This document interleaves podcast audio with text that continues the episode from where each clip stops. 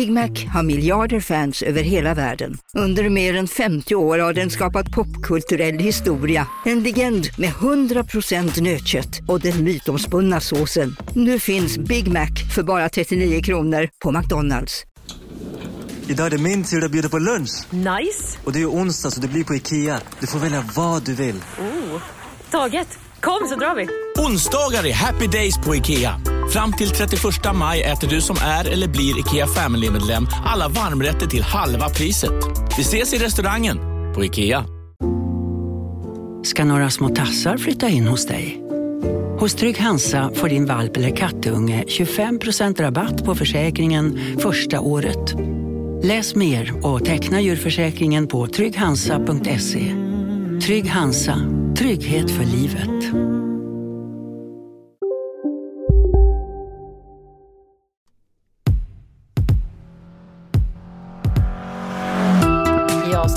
133 av Vi Bilägares podcast blir det fransk lyx och flärd när vi provkör DS9. Och fem elsuvar gör upp i test.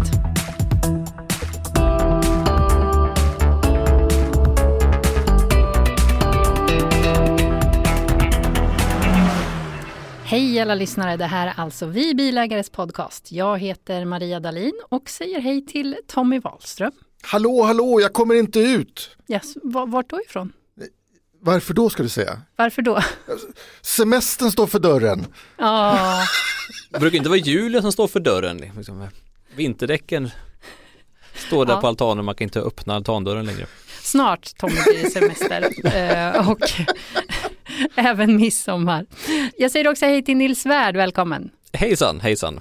Vad säger man efter en sån här inledning? Ja, det är nog bäst jag bara är tyst och inser mina humoristiska begränsningar. Jag tror Tommy fortfarande är lite, eh, har adrenalin från lämningen av tidningen. Kanske är så, fortfarande lite speedad. Ja, det tror jag. Det här spelar ju faktiskt in några dagar innan midsommar. Har ni planerna klara eller är det... Mm. Jag ska låna Nils provkörningsbil och ställa mig i laddkö. Oh. Mm, det ska bli spännande. Men du åker, vart åker du? Norrut? Ja, jag ska åka säga? norrut ja, Och E4. på torsdag. Mm. Men måste du ens ladda på vägen tror du? Du ska Nej. inte så långt norrut. Jag ska ändå. inte så långt norrut men när jag kommer dit så behöver jag kanske, ja, ja vi får se. Ja just det, stödladda på vägen så att du har fullt när det kommer fram. Vi får se. Ja för det är svårt med semesterbostäder, där är det inte alltid eh, lätt att ladda upp elbilen när man ska göra utflykter sen. Nej, och jag ska ut i en stuga i skogen och där finns det ingen ström så att, ehm, ja. Mm. Ja. Jag drar västerut, det blir Värmland, eh, Degerfors. Eh, jag skulle ha åkt dit med en Mercedes GLB i långteststallet, men den fick jag inte. Den är populär den här Mercan, den är, finns alltid ett uppdrag där den behövs. Den Dragkroken drar. Ja, Vi det måste- gör den verkligen. Så eh, Anders eh, kom lite försiktigt och frågade, kan du tänka dig att byta lite senare? Ja, ja, okej, jag tar min Seat. Så han ska åka båt i helgen alltså, han ska sjösätta. Ja, men Mm. det tänkte jag, det får han göra. Det är väl trevligt. Nils, vad ska du göra? Ehm, ja, ja jag ska, du ställde den frågan i förra podden var det va? Vem semestrar i en Honda Jazz? Ja. Här räcker jag upp handen. Det blir en småbarnsfamilj med barn på fyra och sju år som ska dra iväg på långsemester i sommar. Vi ska inte åka så långt, vi drar ner till västkusten men vi kommer vara där liksom hela sommaren så det är mycket packning som ska med. Mm. En utmaning. Eh, det är en utmaning och som sagt de här vi har ju sagt det förut åtminstone internt, vi måste ha fler dragkrokar på bilarna men eh, nu har jag fått tag på sådana här cykelställ som man hänger på bakluckan liksom som ändå är hjälpligt så att jag har väl kittat upp den här jassen till max med både takbox och eh, cyklar bak till så att eh, vi får se. Jag måste bara dubbelkolla lastvikten här nu innan vi drar iväg som vi också pratade om i förra podden. Mm. För Ja. jag menar det här med last, är- vet inte vad man säger det. Det man kanske inte tänker på det är inte att det är last, att man inte ska lasta 400 kilo tegelstenar i bakluckan. Det är ju passagerare, det är mobiltelefoner, det är paddor, handväskor, vad som helst. Det är ju allting i bilen utöver bilens egna vikt. Ja. Och 75 kilos förare. Så väger man över 75 kilo ska man också räkna en del av magen och vissa överarmar som last dessutom. Mm. Och lämna utrymme för glassintag. Precis. Men Nils, jag tycker du borde fundera på det där hur mycket saker din familj tar med sig när ni ska någonstans. Ja, men grejen är med jazz att den är, den är väldigt rymlig, men bagaget är väldigt kort framförallt. Sen kan man lasta en del på höjden så att det blir ta fram de här fina mjuka väskorna från eh, skidbägarna eller pjäxbägare är fantastiskt bra. Ja, det tror jag sagt ja. förut att jag har Ja. tipsat om. Du har ett gäng sådana. De är mjuka och de är perfekt format att kunna stapla och lägga och rymmer ändå ganska mycket liksom, kläder. Mm. Så att, sen är det lite sportutrustning, man vill ha med sina rullskidor, lite pjäxor. Ska du saker. ta med dig pjäxor till västkusten Ja, men åka semestern? rullskidor tänkte jag. Gud, det ska vara en norrbottning till sånt. Ja, jag är säker. Eller jämtlänning också Ja. bra. Jag tycker det är den bästa, bästa DNA-poolen faktiskt. Hittar man där i, i Jämtlandsskogarna. Om man får säga det själv. Ja, Tommy, du har gjort en observation i veckan. Eller ja, på sistone kan man Ja säga. men alltså, nej men det var faktiskt här i veckan. Här, härom, härom podden så pratade vi om det här tuta eller ej. Får man tuta i så fall i vilka sammanhang? Ehm, jag skulle vilja göra ett tillägg till den diskussionen. Att om man nu ska tuta så är det ju väldigt viktigt att man har belägg för sitt tutande. Häromdagen så eh, var jag faktiskt gångtrafikant. Jag är faktiskt det ibland. Det händer inte så ofta men ibland så går jag på gatorna som en vanlig man. Och eh, då kommer jag fram till en korsning där då det kommer en bil som ska svänga till höger. Och eh, innanför den bilen så är det ett cykelfält där det då är en massa cyklister som kör. Och bilisten blev då galen på detta eftersom bilisten skulle svänga och hade grönt. Eh, men det kom cyklar hela tiden. Så hen bakom ratten bara lägger sig över signalhornet sådär. Det var ju bara det att cyklarna hade ju grönt. Det var ju grönt ljus för cykelstället också. Ja.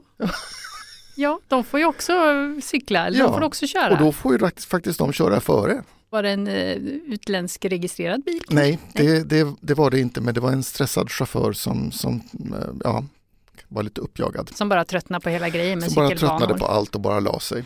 Det gäller att vara lugn så här inför midsommar och tänka allting tar längre tid och det är okej att ta det lugnt. Har ni sett några nyheter i veckan då? Jag har sett eh, det här att eh, Northvolt, den här batteri, svenska batteriföretaget, ska eh, samarbeta med Volvo.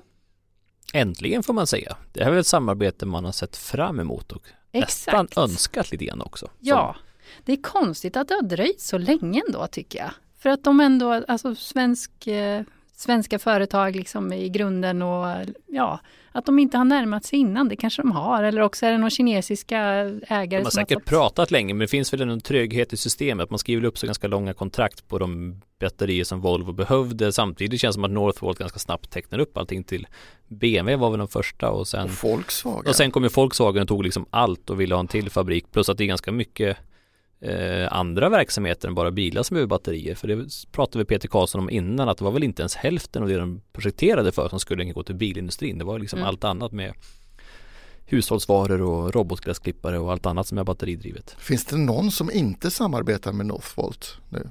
Gör inte alla det liksom? Vi gör inte det. Nej, Vi kanske ska ha ett batteri någonstans Ja. här. Fyller på när man känner sig lite trött inför en lämning och behöver skriva lite snabbare. Liksom. Man kan bo- ta sig en liten, liten kyss av svensk batteri Vi har en hjärtstart där ute i Ja, korridoren. den kanske här. funkar. Det kan vi faktiskt prova.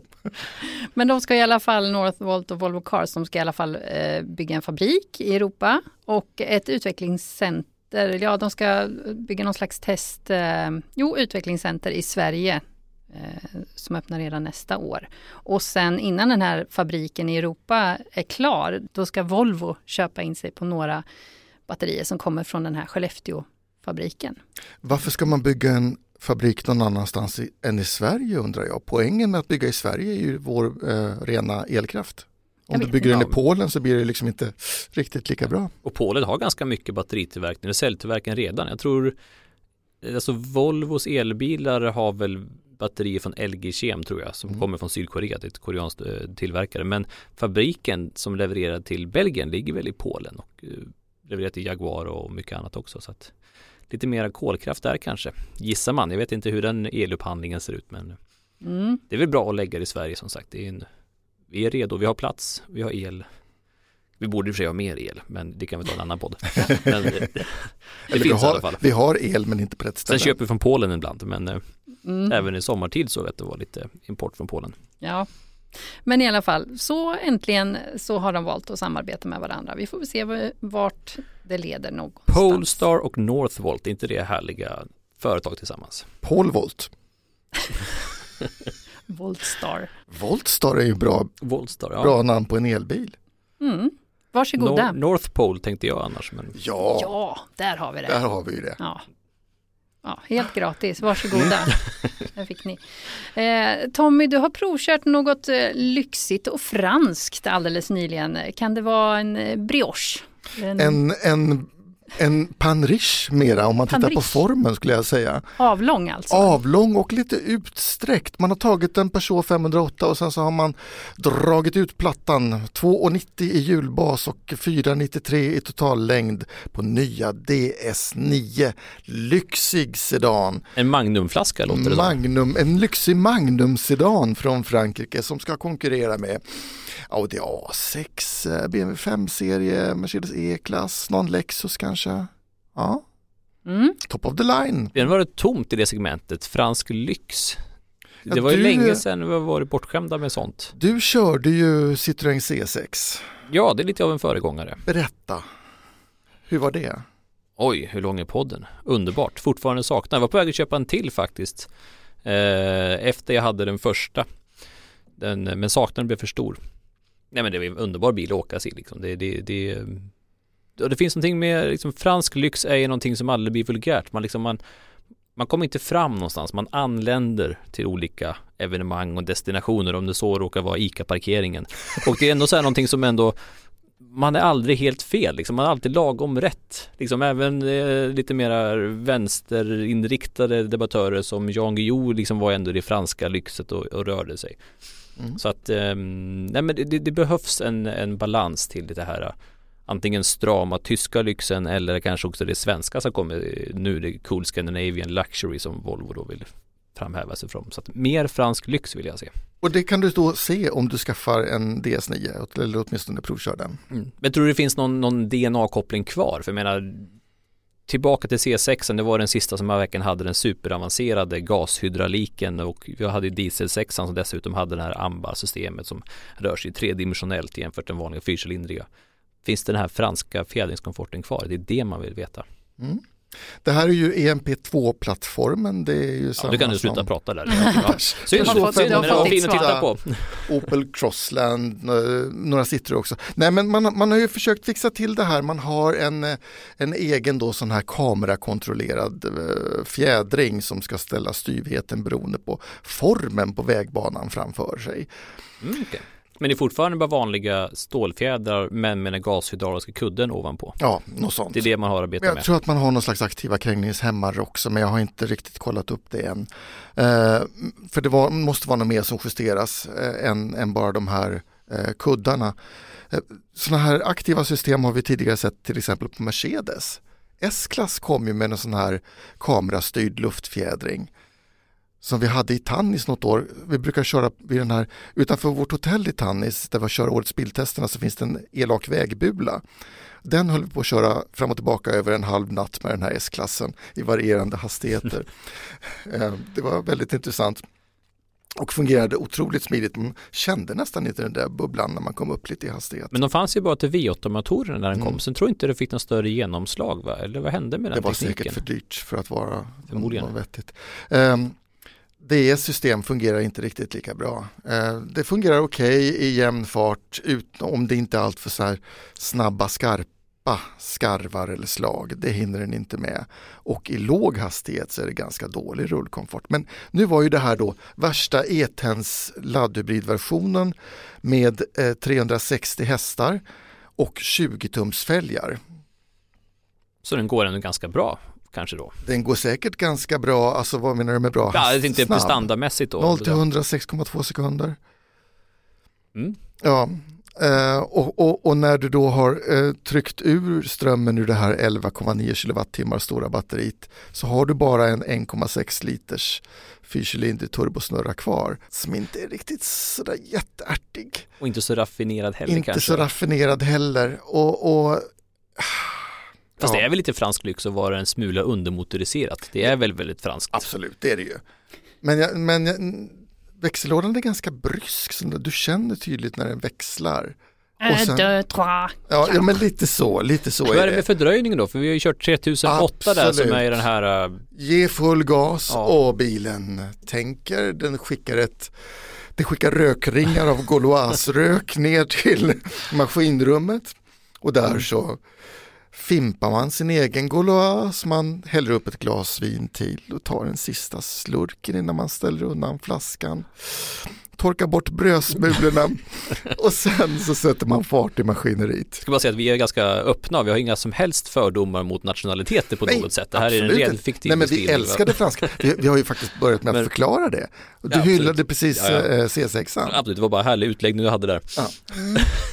Men apropå det franska då, är det något som eh, när du pratar fransk lyx, har det några speciella så här finesser som är fransk parfym tänker jag eller sådana gimmicks? Åh, parfymen gick jag inte in, den har jag faktiskt inte utrett vidare. Däremot så var man ju väldigt eh, noga med att poängtera att man hade massage i, i framstolarna i pressmaterialet.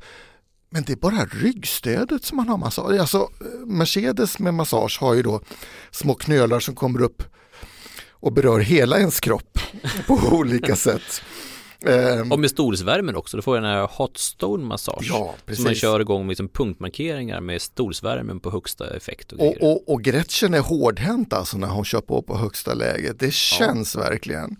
Um, DS, det finns en inställning som heter uh, kattassar, cat paws. Le chat. Okej, det var ingen Greta alltså, utan det var... Eh, och det är små tassar som tassar på ryggen på dig. Ja. Ja, Mm.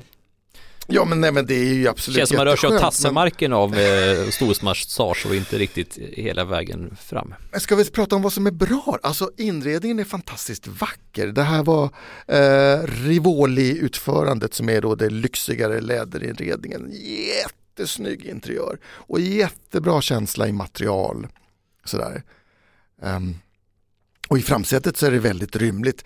Baksätet är också ganska rymligt och här har man ju lagt på då lite benutrymme och så men Sen har ju baksätet då formen av en väldigt elegant skinnklädd kudde som ligger på golvet i baksätet. Så man sitter där med benen upp under hakan och sen så går det inte att få in fötterna under stolen framför så att ja, Det var inte så lyxigt i en sån lång, eh, långfranska. men det ser väldigt snyggt ut när man tittar på baksätet. Går det inte ens att ställa liksom för jag menar C6 när kom och hade så här TGV-säten från det franska höghastighetståget då som man kunde liksom hissa ner, vad loungebaksäte Mm, kallas det för med, nej, med ställbart och nej, elinställningar och lutning och Inte, inte riktigt Nej. så. Nej. Men är det batteriet som är i vägen då eller? Att man sitter, är det högre golv på grund av, du sa att det var en laddhybrid? Ja, nej, nej, batteriet tror jag inte ligger där. Det tror jag ligger I bagaget? Eh, bagaget Okej, faktiskt. Nej, det ligger nog inte under golvet. nej. Nej, jag, jag tror att det bara, det, det bara blev så. Mm. Mm. hur stor plånbok måste man ha för att vara med i målgruppen då? Ska vi prata om det nu också? Ja, Nej, jag bara, Jo, bara nyfiken liksom. Hur dyrt kan det bli? ja Fransk lyx. alltså fransk lyx. Det här är ju som sagt då värstingversionen som, som jag har kört laddhybrid 11,9 kW batteri. Den, upp till 130 km i timmen kan man köra på enbart el och upp till 48 km VLTP. Det sista var väl inte jätteimponerande idag kanske? Nej, och Det- sen så kändes det ändå som att det var väl lite glädjesiffror med tanke på hur snabbt strömmen försvann när jag körde, men det kanske beror på att jag gasade också. Man vill ju ändå utnyttja alla de här glada hästkrafterna. Ehm, den här, det finns inga svenska priser. Jag hittade i, i Frankrike så gick jag in och specificerade en så här och byggde den och då kostade den 70 400 euro. Ja, 700 000 spänn. För det så får man då en, en Audi A6, Mercedes E-klass, Volvo V90 eller BMW 5-serie som laddhybrid med eh, rätt schyssta utrustningspaket. Eh, Du kan köpa en Lexus ES 300 och kryssa i alla tillval och ändå få 150 000 över. Men då ska man verkligen gilla franskt alltså. man kanske ska vara lite vänsterpartist och verkligen hata kapitalet, liksom så här rent ja, kapitalförstöring helt enkelt. Jag har för mycket pengar. Jag betalar den i värdeminskningsskatt och lägger mina ja, onödigt mycket pengar på en Citroën så att jag inte har så mycket kvar sen. du ska nog vara Förlåt, eh, individ- DS, eh, ursäkta mig. Ja, precis. Eh, Du ska vara individualist. För det, det här är ju en bil som sticker ut och den är jättesnygg. Jag la upp lite bilder på Instagram och vi har fått jättemånga så här kommentarer från folk som säger åh vilken fin bil, åh vad snygg den är. Sen så är den, eh, fjärrkomforten är ganska bra när man kommer upp i lite hastighet. Eh, men den går tyst, den är jättetyst. Och man har jobbat mycket med det här med, med ljudisolerande glas och, och så. om man struntar i de här 20-tumshjulen och kör lite mindre dimension så tror jag säkert också att man slipper lite vägljud. Det är lite sånt nu. Mm. Men eh, det, det, då är det väldigt njutbart sätt att, att färdas i, i, i lugnt och makligt tempo.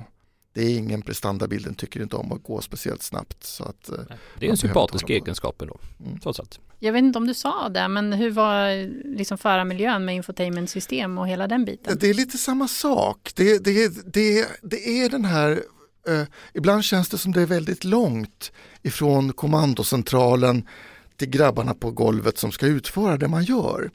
Så trycker man på infotainmentskärmen ah, då ska man ju skicka de där rökringarna igen och sen så ska de dricka upp den sista slatten ur glaset och sen ska de ställa tillbaka flaskan, torka bort brödsmulorna och sen så kommer den här nya menyn upp som man har önskat sig. Um, ja, men det är en bil för lugna, långsamma färder. Eh, gärna får man vara lite elegant klädd, gärna i, i snygga omgivningar. Eh, bland människor som kan beundra utseendet på den. Det kanske är någonting för den där som eh, tutade, hängde på tutan för cyklisterna. Ja, en ta det lugnt-bil. Ta det En lugnt sån här att jag kan stå här länge för jag har en så fin bil. Så, Precis så, ja. tycker jag. Det låter som en värdig ersättare då till C6. Det var precis det var att köra den bilen. Man hade verkligen inte bråttom. Man, hade liksom, man vill dels gärna sitta kvar och köra men man kom alltid fram till jobbet kände med liksom fem slags lägre puls än om man hade kört en vanlig bil. Liksom. Om man sitter i den korsningen, liksom, eller någon vill trängas i trafik, ja, ja, sväng in du, kör du före, liksom, det är ingen fara. Ja, kör du om om du vill, det är okej. Man har liksom man behöver inte stressa, man är verkligen ett, ett, ett litet eget spa nästan. Man Lite sunt, och liksom, tycker jag det låter. Lite wellness, ja verkligen. Det är Ja. det som verkligen man, man tyckte om. Eh, två saker till vill jag säga. Ett, den har en roterande klocka. När man trycker på startknappen, ja, och man måste verkligen trycka på den, det är inte bara att dutta utan här gäller det att trycka in och hålla inne. Mm. Mm, som hela, Rökringarna går, ni vet, ja, och sen så, som vilken Peugeot som helst. Alla som Ja. kört en Peugeot och också försökt stänga av den sen efteråt vet vad, vi, vad du pratar om här. men när man gör det så börjar det surra instrument, under instrumentbrädan och sen så vänds en klocka elegant upp ur instrumentbrädan. Mm. Det gör inte på Volvo. Det gör det inte på Volvo. Det gör det inte om du köper en Audi. Nej, det, och vad var den andra saken du ville säga? Den andra saken jag vill säga att, eh, är att en DS9 köper man inte för att man vill ha den bästa bilen. Man köper den för att man vill ha den snyggaste bilen. Och man vill vara unik med den.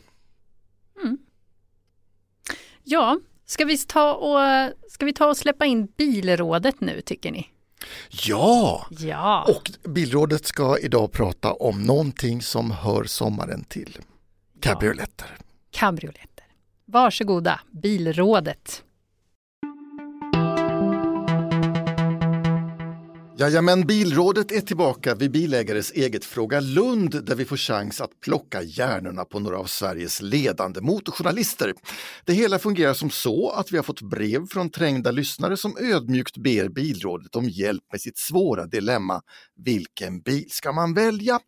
När dagens överläggning är över så kommer vi ha ett solklart resultat och en stensäker rekommendation som kommer att göra frågeställarens billiv så mycket lättare. Och i panelen idag så har vi mannen som blev världskändis genom att stå i laddkö. Nils Svärd, välkommen! Tackar, tackar. Vad blir nästa steg Nils? Blir det Let's Dance eller Hela Sverige bakar? Eh, oj, Mästarnas mästare hade jag räknat med iskallt. Vi får se vad som trillar in härnäst. Och apropå Hela Sverige bakar med oss idag så har vi mannen som är lika bekväm i köket som i en skeva 62 på Sveavägen. Välkommen Claes Skarin! Ja, hej! Claes, ditt bästa kökstips? Eh, inlagd eh, rödlök. Mm, så gott det låter. Okej. Gärna någonting till va, eller? Nej, det behövs inte. Jo, mycket sprit. Vi har sällskap av Erik Söderholm som väl är mest känd för att ha betalat folk för att göra inbrott i sin egen bil. Välkommen Erik!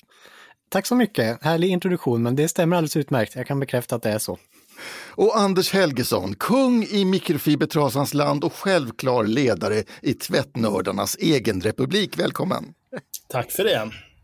Anders, det är jättebra om du kan låta bli att gnugga på mikrofonen nu under sändning. Det, det blir ju fint, men det låter så fasligt illa.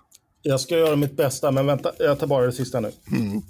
Eh, man kan ju tro att Kalle Karlqvist skulle vara megakänd för sin gärning som decennier av rapporterande motorjournalist i allehanda publikationer. Men frågan är, Kalle, är det inte ändå som Harrys husse du blivit ett namn med i varje hushåll?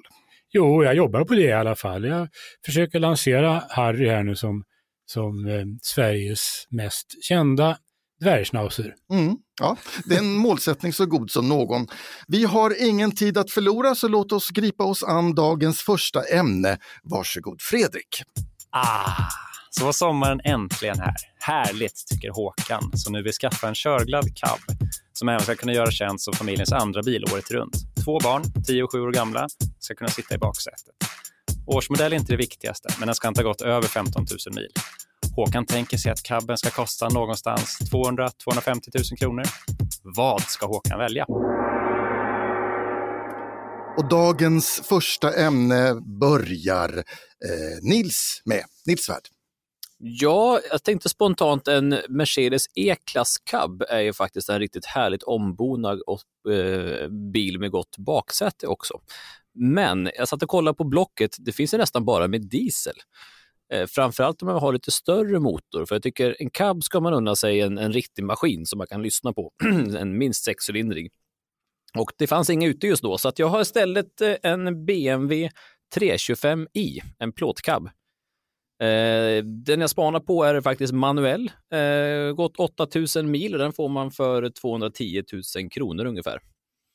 Det tycker jag är det perfekta valet. Mm. Körglad och barnen får plats och den funkar som året runt tack vare plåtkabben. Okej, okay, BMW alltså. Klas? Ja, jag har tittat på Nils förslag. Eh, det är tidigare alltså Mercedesen. Men det föll tyckte jag på eh, tygkabben. Eh, han ville väl ha någon bil som var hyfsat enkel att använda, eller vad var det han sa här? Men eh, jag började också titta på BMW faktiskt. Jag tycker det är en av de eh, finare cabbarna, den här E90-modellen. Som eh, var den mellan 2005 och 2012, om jag inte har kikat fel. Men jag skulle vilja slänga in en turbo. Eh, jag tycker Nils förslag är alldeles utmärkt, men jag siktar på samma 2,5 liters eh, raka sexa men med en turbo. Tre liter är min. Inne på tre liter. Jag har lite nyare. Okej, okay, så det är F30 alltså? Från Nej. 2000? Jag skrev årsmodell 2021 har jag skrivit i min egen anteckning. Ja, ja, men då så. Nej, men det stämmer inte alls. Jag måste kolla vad jag har hittat. Jag kan vi börja ifrågasätta om det är sexcylindrigt? För om det är så här modernt så är väl, eh, det är väl turbo 4? Nej, det, det här är, det här är 2,996 i ja, cylindervolym okay, på min nedtrimmade 325 i manuell. Ja, det kommer att sitta en motor i den i alla fall. 2012 är det. Erik Söderholm. Ja, då så. Det är bra. Det var 2008 på min. Mm. Ursäkta Erik. Eh, den är på i alla fall 2,5 liter rak sexa och 306 hästar. Det tycker jag behövs. Erik? Nej, det tycker inte jag behövs, men däremot så är jag ju inne på samma spår faktiskt. Det kanske blir lite tråkigt, ja, men, men, jag har hittat en BMW 3-serie, 325i 2008, 4500 mil, 225 000 kronor. Jag tyckte den är, alltså de här sexorna är ju härliga och det här är sista generationen av dem när de var utan turbo och fortfarande ganska vanliga i utbudet. Så eh, det tycker jag han ska satsa på. Sen är det ju hyfsat med plats där bak och det är inte så vanligt har jag märkt i, i sådana här lite större cabmodeller. Det är förbluffande många som har plats för, barn, för benlösa barn där bak. Så, men 3-serien, det tror jag är safe. Anders Helgesson.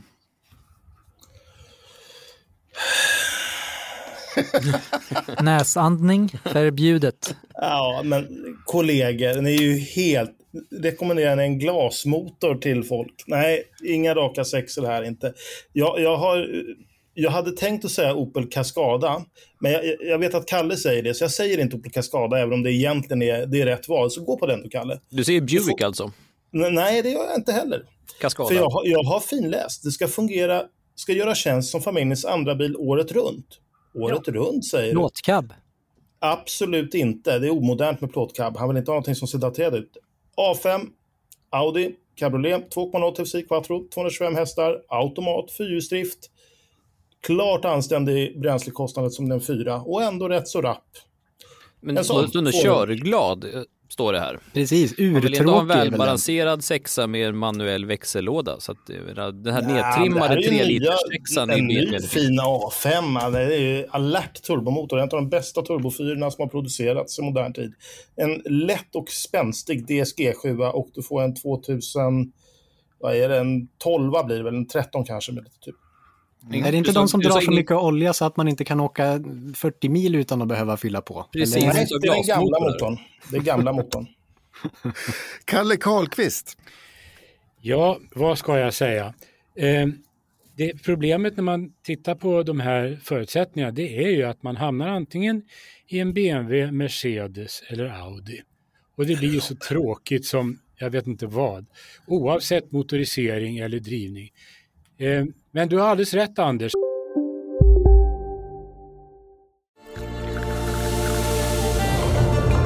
Välkommen till Maccafé på utvalda McDonalds restauranger med Baristakaffe till rimligt pris. Vad sägs om en latte eller cappuccino för bara 35 kronor? Alltid gjorda av våra utbildade baristor. Hej, Synoptik här. Hos oss får du hjälp med att ta hand om din ögonhälsa. Med vår synundersökning kan vi upptäcka både synförändringar och tecken på vanliga ögonsjukdomar. Boka tid på synoptik.se. Okej hörni, gänget! Vad är vårt motto? Allt är inte som du tror. Nej, allt är inte alltid som du tror.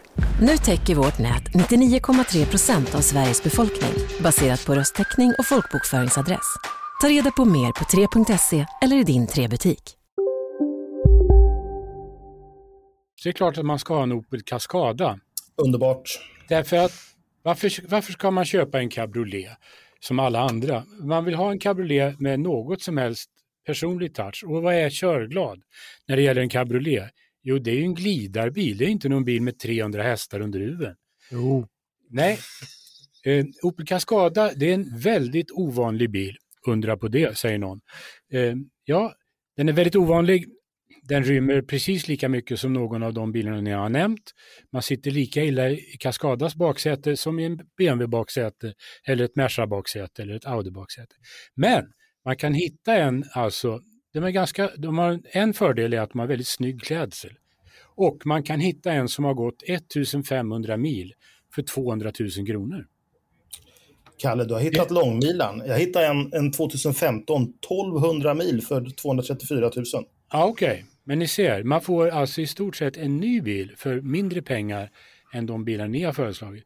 Och... Alltså jag tänker att det säger ju också någonting. Är den så hemsk att köra att folk faktiskt inte vill åka i den då? Nej, jättebehaglig. Det är för, att, det, är för att det, är en, det är för att det är en Opel och Opels eh, måne står just nu jädrigt i nedan i hela Sverige på Eh, av kända anledningar. Så att Opel är ett icke-märke på svenska marknaden numera och eh, deras icke-bilar är alldeles fantastiska.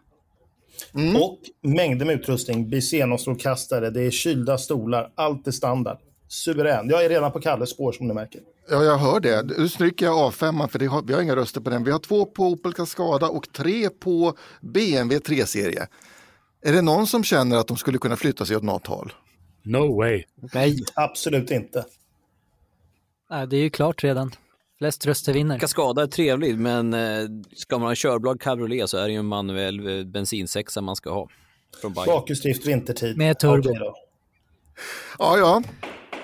Då låter vi majoriteten vinna denna gång och eh, i första omgången eh, av bilrådet för den här säsongen så blev det alltså BMW 3-serie cabriolet som vi tycker att Håkan och hans familj ska välja.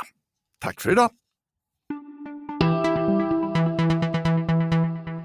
Tack så mycket för det bilrådet. Nu formligen väller ju elsuvarna ut från biltillverkarna och Nils, du har, jag tänkte nästan säga att du har haft fem stycken av dem på ditt skrivbord, men det har du inte haft fysiskt sett, men du har eh, testat fem stycken av dem. Vilka är det du har testat? Eller du håller på att testa? Kan, ska ja, exakt. Eh, jag ska inte avslöja för mycket än, för det är väl inte helt klart. Det kommer nummer tio som eh, dyker upp om en stund. Ehm, men jag kan väl säga så här, vi har i alla fall lyckats eh, lägga rabarber på Ford Mustang Mach-E.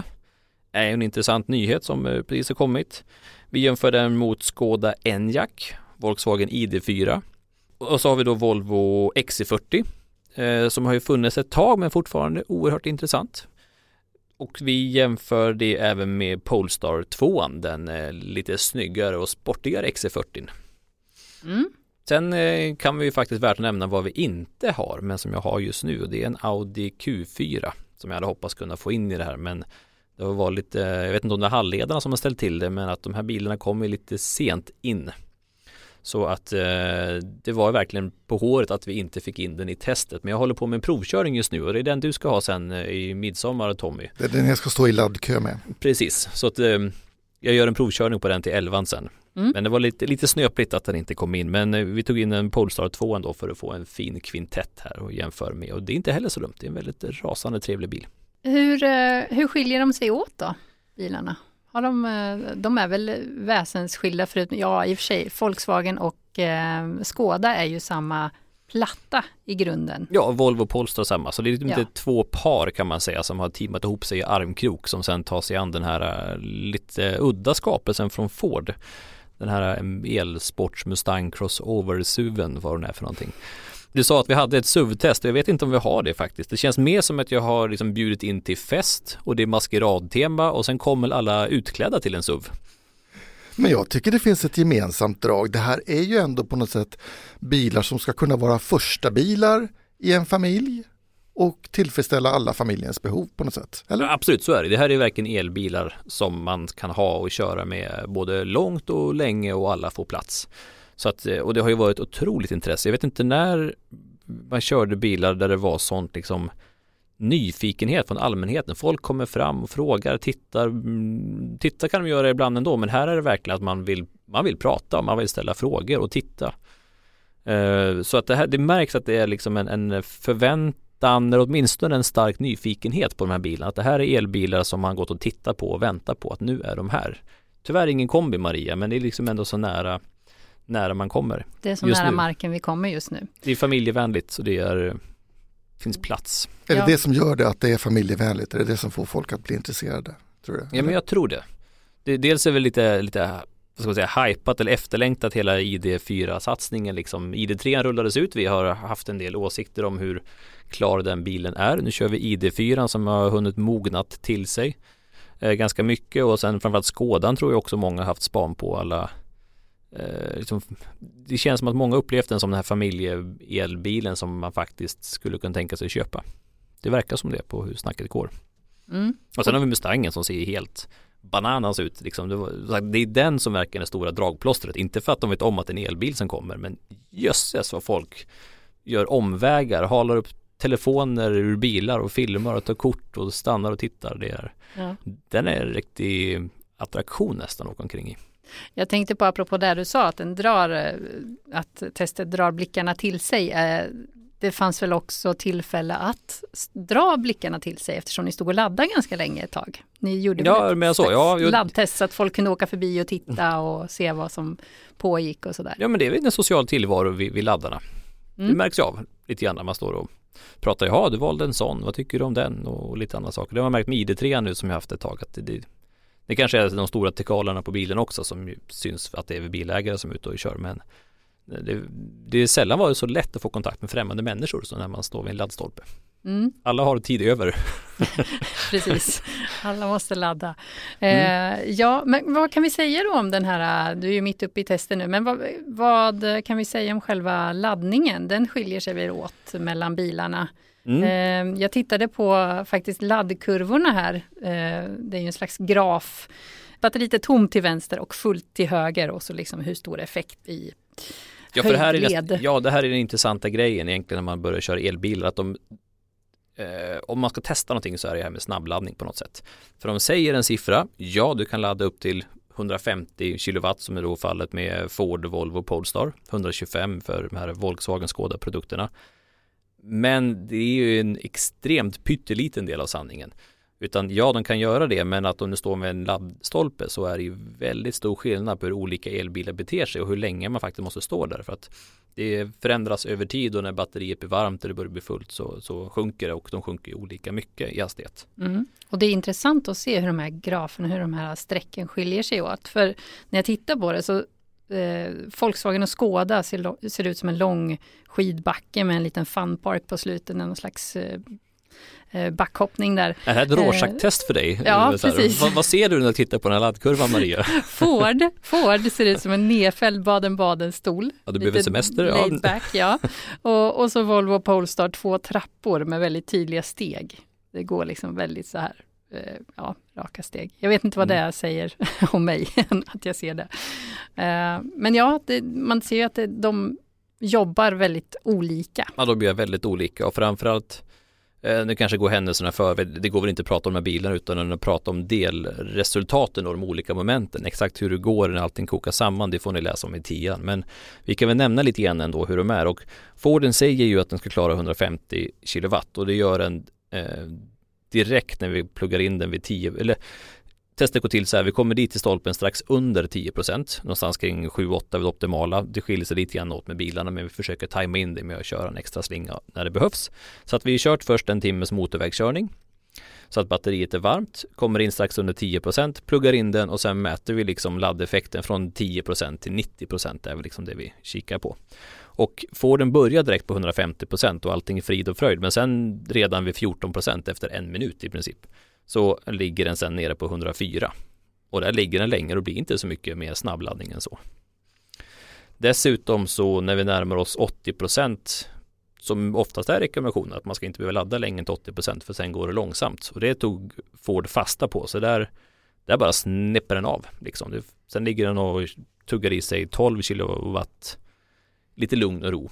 Mm. Så om man nu vill ha en långresa, om man vill ladda får den liksom lite extra, trycker i det där lite mer i batteriet än 80% för att slippa stanna en gång till. Så för det första, glöm det.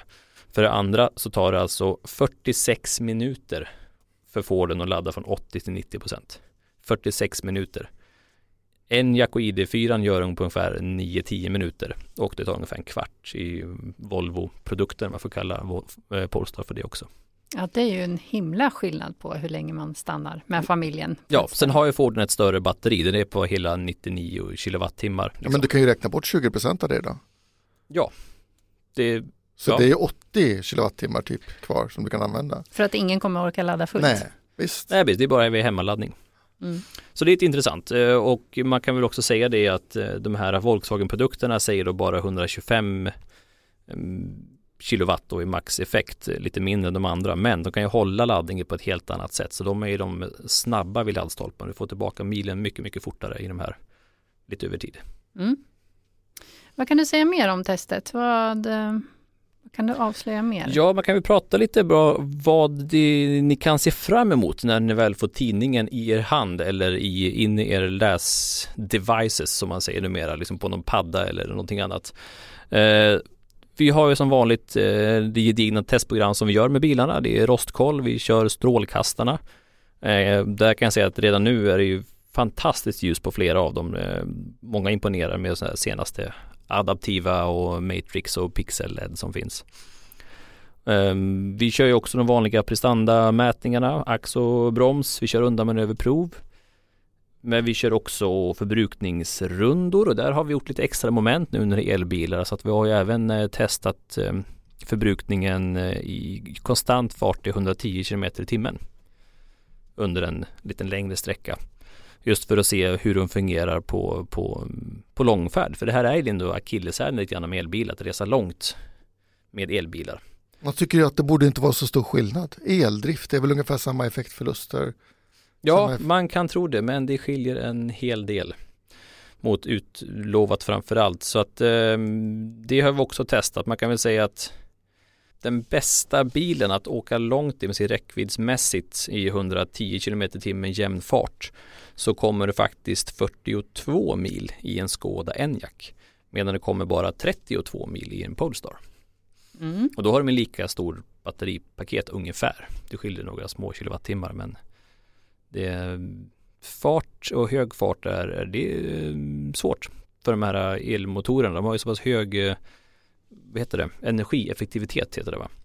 Så det finns inte så mycket värmeförluster som en vanlig bensinmotor sen tuggar på ganska ungefär lika hela tiden. Men att så fort man lägger på liksom det här luftmotståndet, det är den största kraften som påverkar förbrukningen. för de här bilarna. Och det slår väldigt olika. Jag tycker det allra intressantaste med det här testet är ju ekonomin. Ja, den har jag räknat klart och vi satt och diskuterade det. För det här är ju dyra bilar, absolut. Det är ingen tvekan om det. Det finns ju två saker som eh, man kan hänföra mot elbilar som belackarna ofta lyfter fram. De är jättedyra att köpa. Alla har verkligen inte råd med dem. Eh, och det är kort räckvidd. Nu har vi ändå då bilar som tar skådan då. I 110 km i timmen så kan den ändå nå en, över 40 mil innan du behöver stanna och fylla på den vid en snabbladdare som den dessutom är ganska snabb att göra det med. Sen har vi räknat på det här med milkostnaden och eh, det är mycket debatter nu om eh, marknadshyror och fri prissättning liksom men eh, man kan säga att bilbranschen också blivit reglerad. Här får vi ju 70 000 i statlig bonus från skattebetalarna om man köper en sån här bil. Och så tar vi med det i kalkylen, du får 70 000 efter ett halvår ner i plånboken. Och sen så har vi räknat på andrahandsvärdet som är ju skyhögt. Det här är efterlängtade bilar. Det här är inga eh, små sedaner som tar lite packning. Det här är riktiga familjebilar som går på el. Så att andrahandsvärdet blir kalasbra. Sen är det lågt servicebehov, ingen skatt, inga löpande kostnader egentligen inblandat. Så att man säger så här, jag blickade tillbaka i testarkivet vad vi kört det senaste året och en Skoda Enyaq med det stora batteripaketet som vi har här och lite utrustning. Den är alltså 5 kronor billigare per mil än en Skoda Superb diesel fyrhjulsdriven kombi. Det är, det är mycket. Det blir mycket i slutändan. Det blir mycket och då baserar det på tre år och 6000 mil. Och det här är dessutom uträknat då före sista uh, malushöjningen. Nu är, är skatten ännu högre på Sen har skatten gått upp. Eh, och jag kan ta några andra exempel också om man då tar mot ehm, Eh, kolla på ID4 då. Om man eh, kollar, den lever på par ungefär med en eh, Passat TDI 190 då med fyrhjulsdrift. Eh, men den är ju två kronor billigare än Tiguan med samma motor. Och Volvo med en XC40 P8 där som kostar ju ohyggligt mycket pengar egentligen, över 700 000 på, på pappret då. Men att om man räknar på driftkostnaden med, med andrahandsvärdet sen efter tre år så är ju milkostnaden på en vanlig XC40 nivå. Eller faktiskt två kronor billigare än XC40 och på par med en V60 D4 diesel momentum som jag haft ett test tidigare. Mm. Så att, eh, Men Volvo här, finns ju på privatleasing också. Det kan vara lockande kanske ta sånt här leasingerbjudande på så här dyra bilar för att det är ju en hög kapitalkostnad att lägga ut. Men de tar ju liksom nästan, jag tror det är nästan 8000 i månaden för att då köra sån här Carby Volvo Eh, på en sån här elbil. Men är det någon gång man ska köra en leasingbil så är det när man inte är riktigt säker på andrahandsvärdet. Förmodade boysänken, kanske DS9 kan vara skön att ha preparatleasing på och se att man kan bli av med bilen sen efter tre år. Men jag tror, har man bara möjlighet att lägga upp en rimlig finansiering på det här så ska man nog faktiskt överväga ett privatköp. Och känns det lite skakigt, ja men kan man ju välja själv behålla bilen ett år till för att med elbilar är det så att den kostar mycket att köpa, lite i drift så ja men då kan man sluta den här högre kapitalkostnaden på att ha den lite längre eller om man kör mycket så sparar man ganska mycket redan på en gång. Och på leasing får du ju inte bonusen heller. Nej, det är väl medräknat någonstans kanske. Jag vet ja, inte hur de olika finansbolagen gör. Det kanske finns gör. olika erbjudanden och vad det nu kan vara. Men jag tror man kanske ska syna det här, de olika leasingerbjudandena en gång till och liksom se man kanske mm. inte har råd att göra en egen finansiering och äga bilen själv. Och inte bara skänka bort det här fina andrahandsvärdet till, till tillverkaren. Är det så att du kan säga generellt att elbilar ska man inte ta på leasing?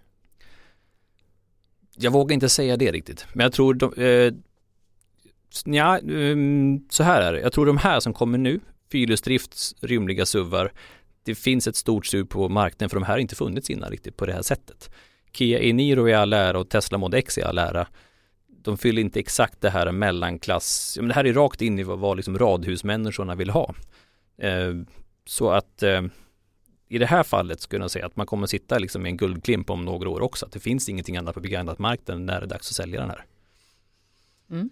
Men så kanske inte är fallet då med lite, om man tar en Nissan Leaf eller det ska bli intressant att se hur man kommer värdera Tesla Model 3. Det här pratade vi om i, när vi summerade långteståret att en sedan har ju aldrig gått hem riktigt i Sverige. Det har alltid varit en tegelsten på begagnatmarknaden.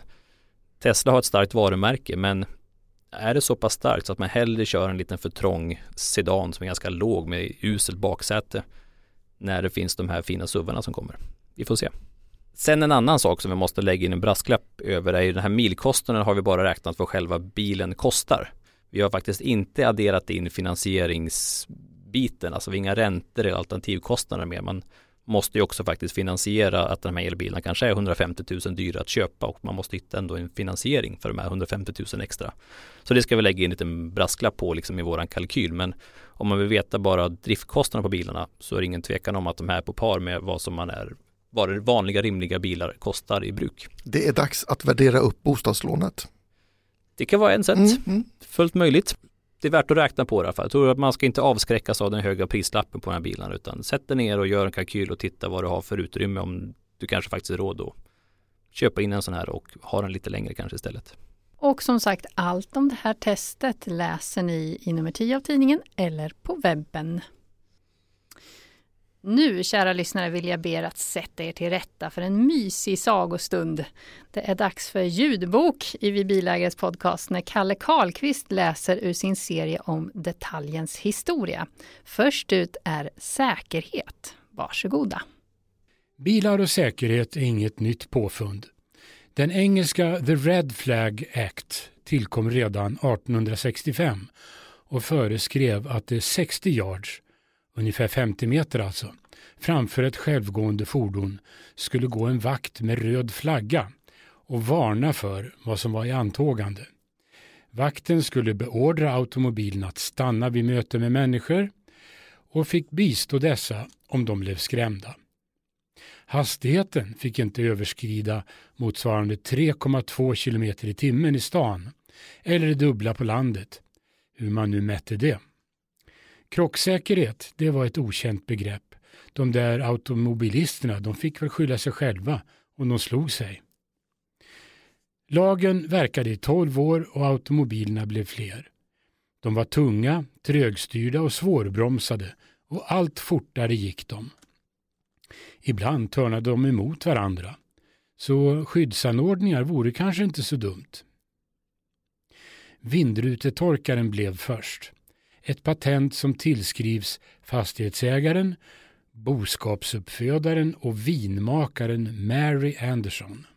Hon tog spårvagnen i New York en besvärlig vinterdag och märkte hur föraren ideligen fick stanna och gå ut och torka av rutan för att se något.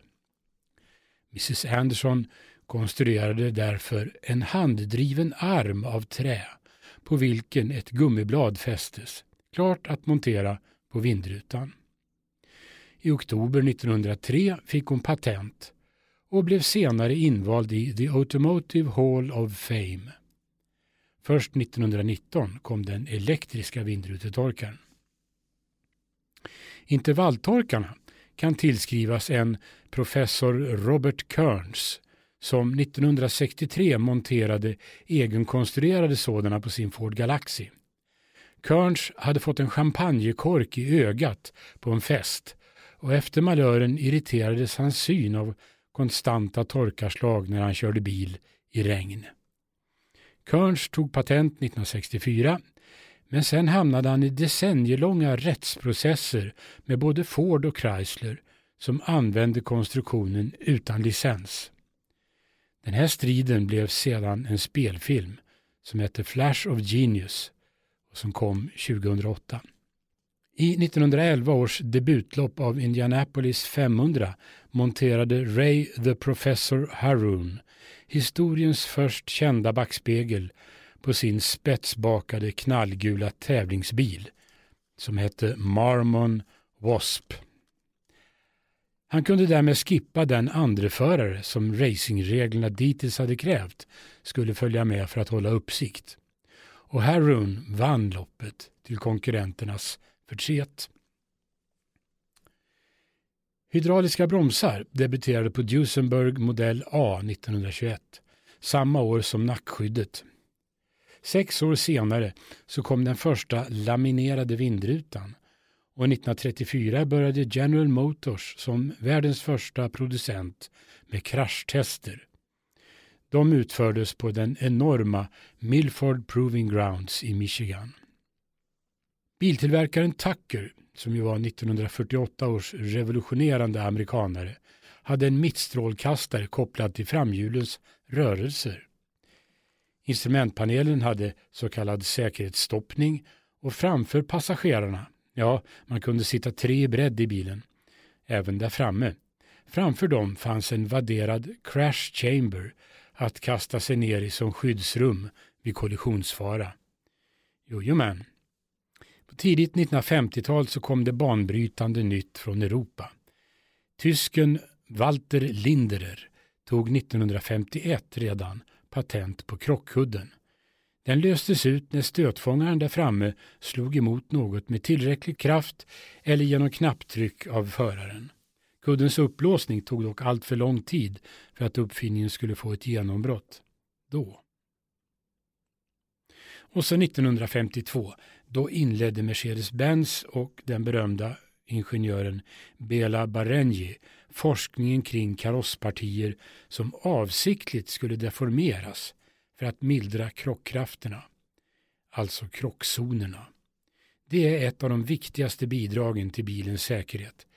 Liksom Jaguars introduktion av skivbromsar på sina tävlingsvagnar till 1953 års tävlingar på Le Mans. Jaguar C-Tap, som bilen hette, den var kanske inte snabbast på rakerna, men den bromsade senare än alla andra och vann därför loppet, samt hamnade även på plats två och på plats fyra. Citroëns revolutionerande DS-modell från 1955 brukar anses som den första serietillverkade modellen med skivbromsar runt om som standard. Men rotar man lite så finner man skivbromsar även på oväntade ställen, långt tidigare. Crossley 1949 till exempel, det var en amerikansk minibil som hade skivbromsar runt om och man kunde även få dem på vissa Chrysler samma år. 1949. Volvos och Nils Bolins trepunkts säkerhetsbälte var kanske inte allra först men det blev patenterat 1958 och kom i produktion 1959 och kan väl anses vara den enskilt viktigaste säkerhetsdetalj som hittills har tagits fram. En uppfinning som har belönats med otaliga priser genom åren och som har räddat över en miljon liv, brukar man säga. Sen har vi låsningsfria bromsar av mekanisk typ, såna, så var de första, så dök de upp tillsammans med fyrhjulsdrift på Jensen FF 1966. Samma år som Chrysler visade sitt så kallade Sure Brake System för lyxbilen Imperial. Det var låsningsfria bromsar bara på bakhjulen och de kom i funktion genom att gradvis reducera bromstrycket inte genom snabba pumpningar på bromsarna som senare system arbetar efter. Sju år senare, alltså 1973, så kom Mercedes-Benz med ett elektroniskt låsningsfritt system till stora Mercedes S-klass. Och 1981 så blev man först att erbjuda krockkudde av modern typ på förarplats. Sen har det gått fort.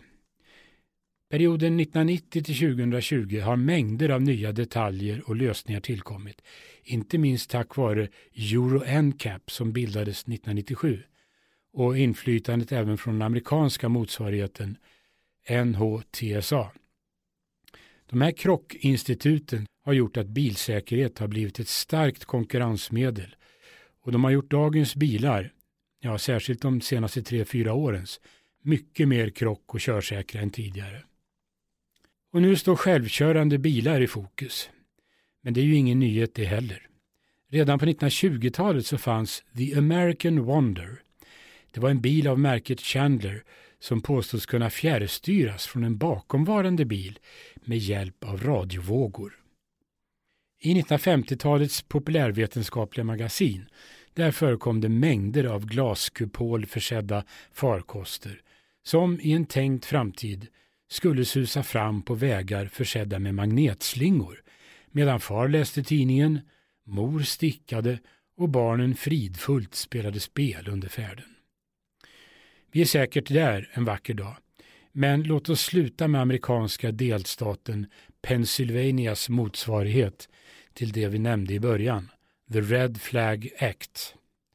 Enligt ett förslag så skulle automobilisterna inte bara stanna sin bil på flaggvaktens tecken utan också börja demontera den och gömma alla delar bakom närmaste buske tills människor, hästar eller boskap passerat. Sen fick den sättas ihop igen. Delstatens guvernör la emellertid in sitt veto mot idén och förslaget blev aldrig verklighet. Men, vem vet? Och efter den historielektionen är det dags att avrunda detta avsnitt. Och nu tar vi Bilägares podcast ett litet, litet sommarlov och är tillbaka om två veckor igen, alltså den 9 juli. Skulle saknaden bli för stor, ja då finns det 230-ish avsnitt att avnjuta för er som inte hört allt från oss än. Tack för att ni lyssnat, kör försiktigt och ta hand om varandra i trafiken. Hej då! Hej då! Hej då! Du har hört Vi Bilägares podcast. Om du inte redan prenumererar på podden så gör gärna det, så missar du inte något avsnitt. De senaste nyheterna hittar du på vår hemsida, vibilagare.se.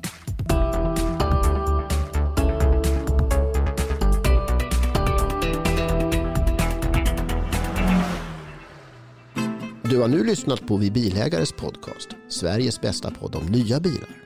Känner du dig nu sugen på något som är lite mindre aktuellt? Ratta över till Studio Klassiker, tidningen Klassikers podcast.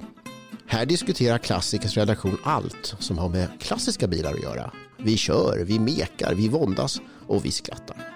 Sök efter Studio Klassiker där poddar finns. Du kan också hitta Studio Klassiker på www.klassiker.nu podcast. Vi hörs!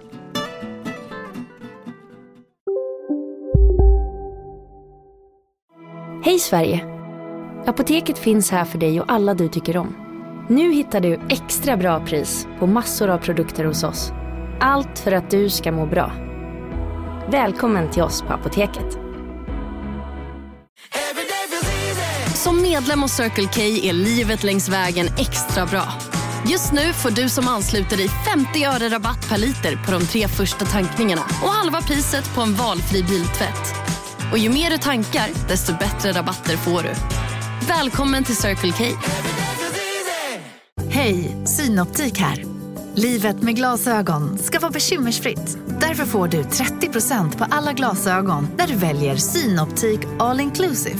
All service ingår alltid. Välkommen till Synoptik.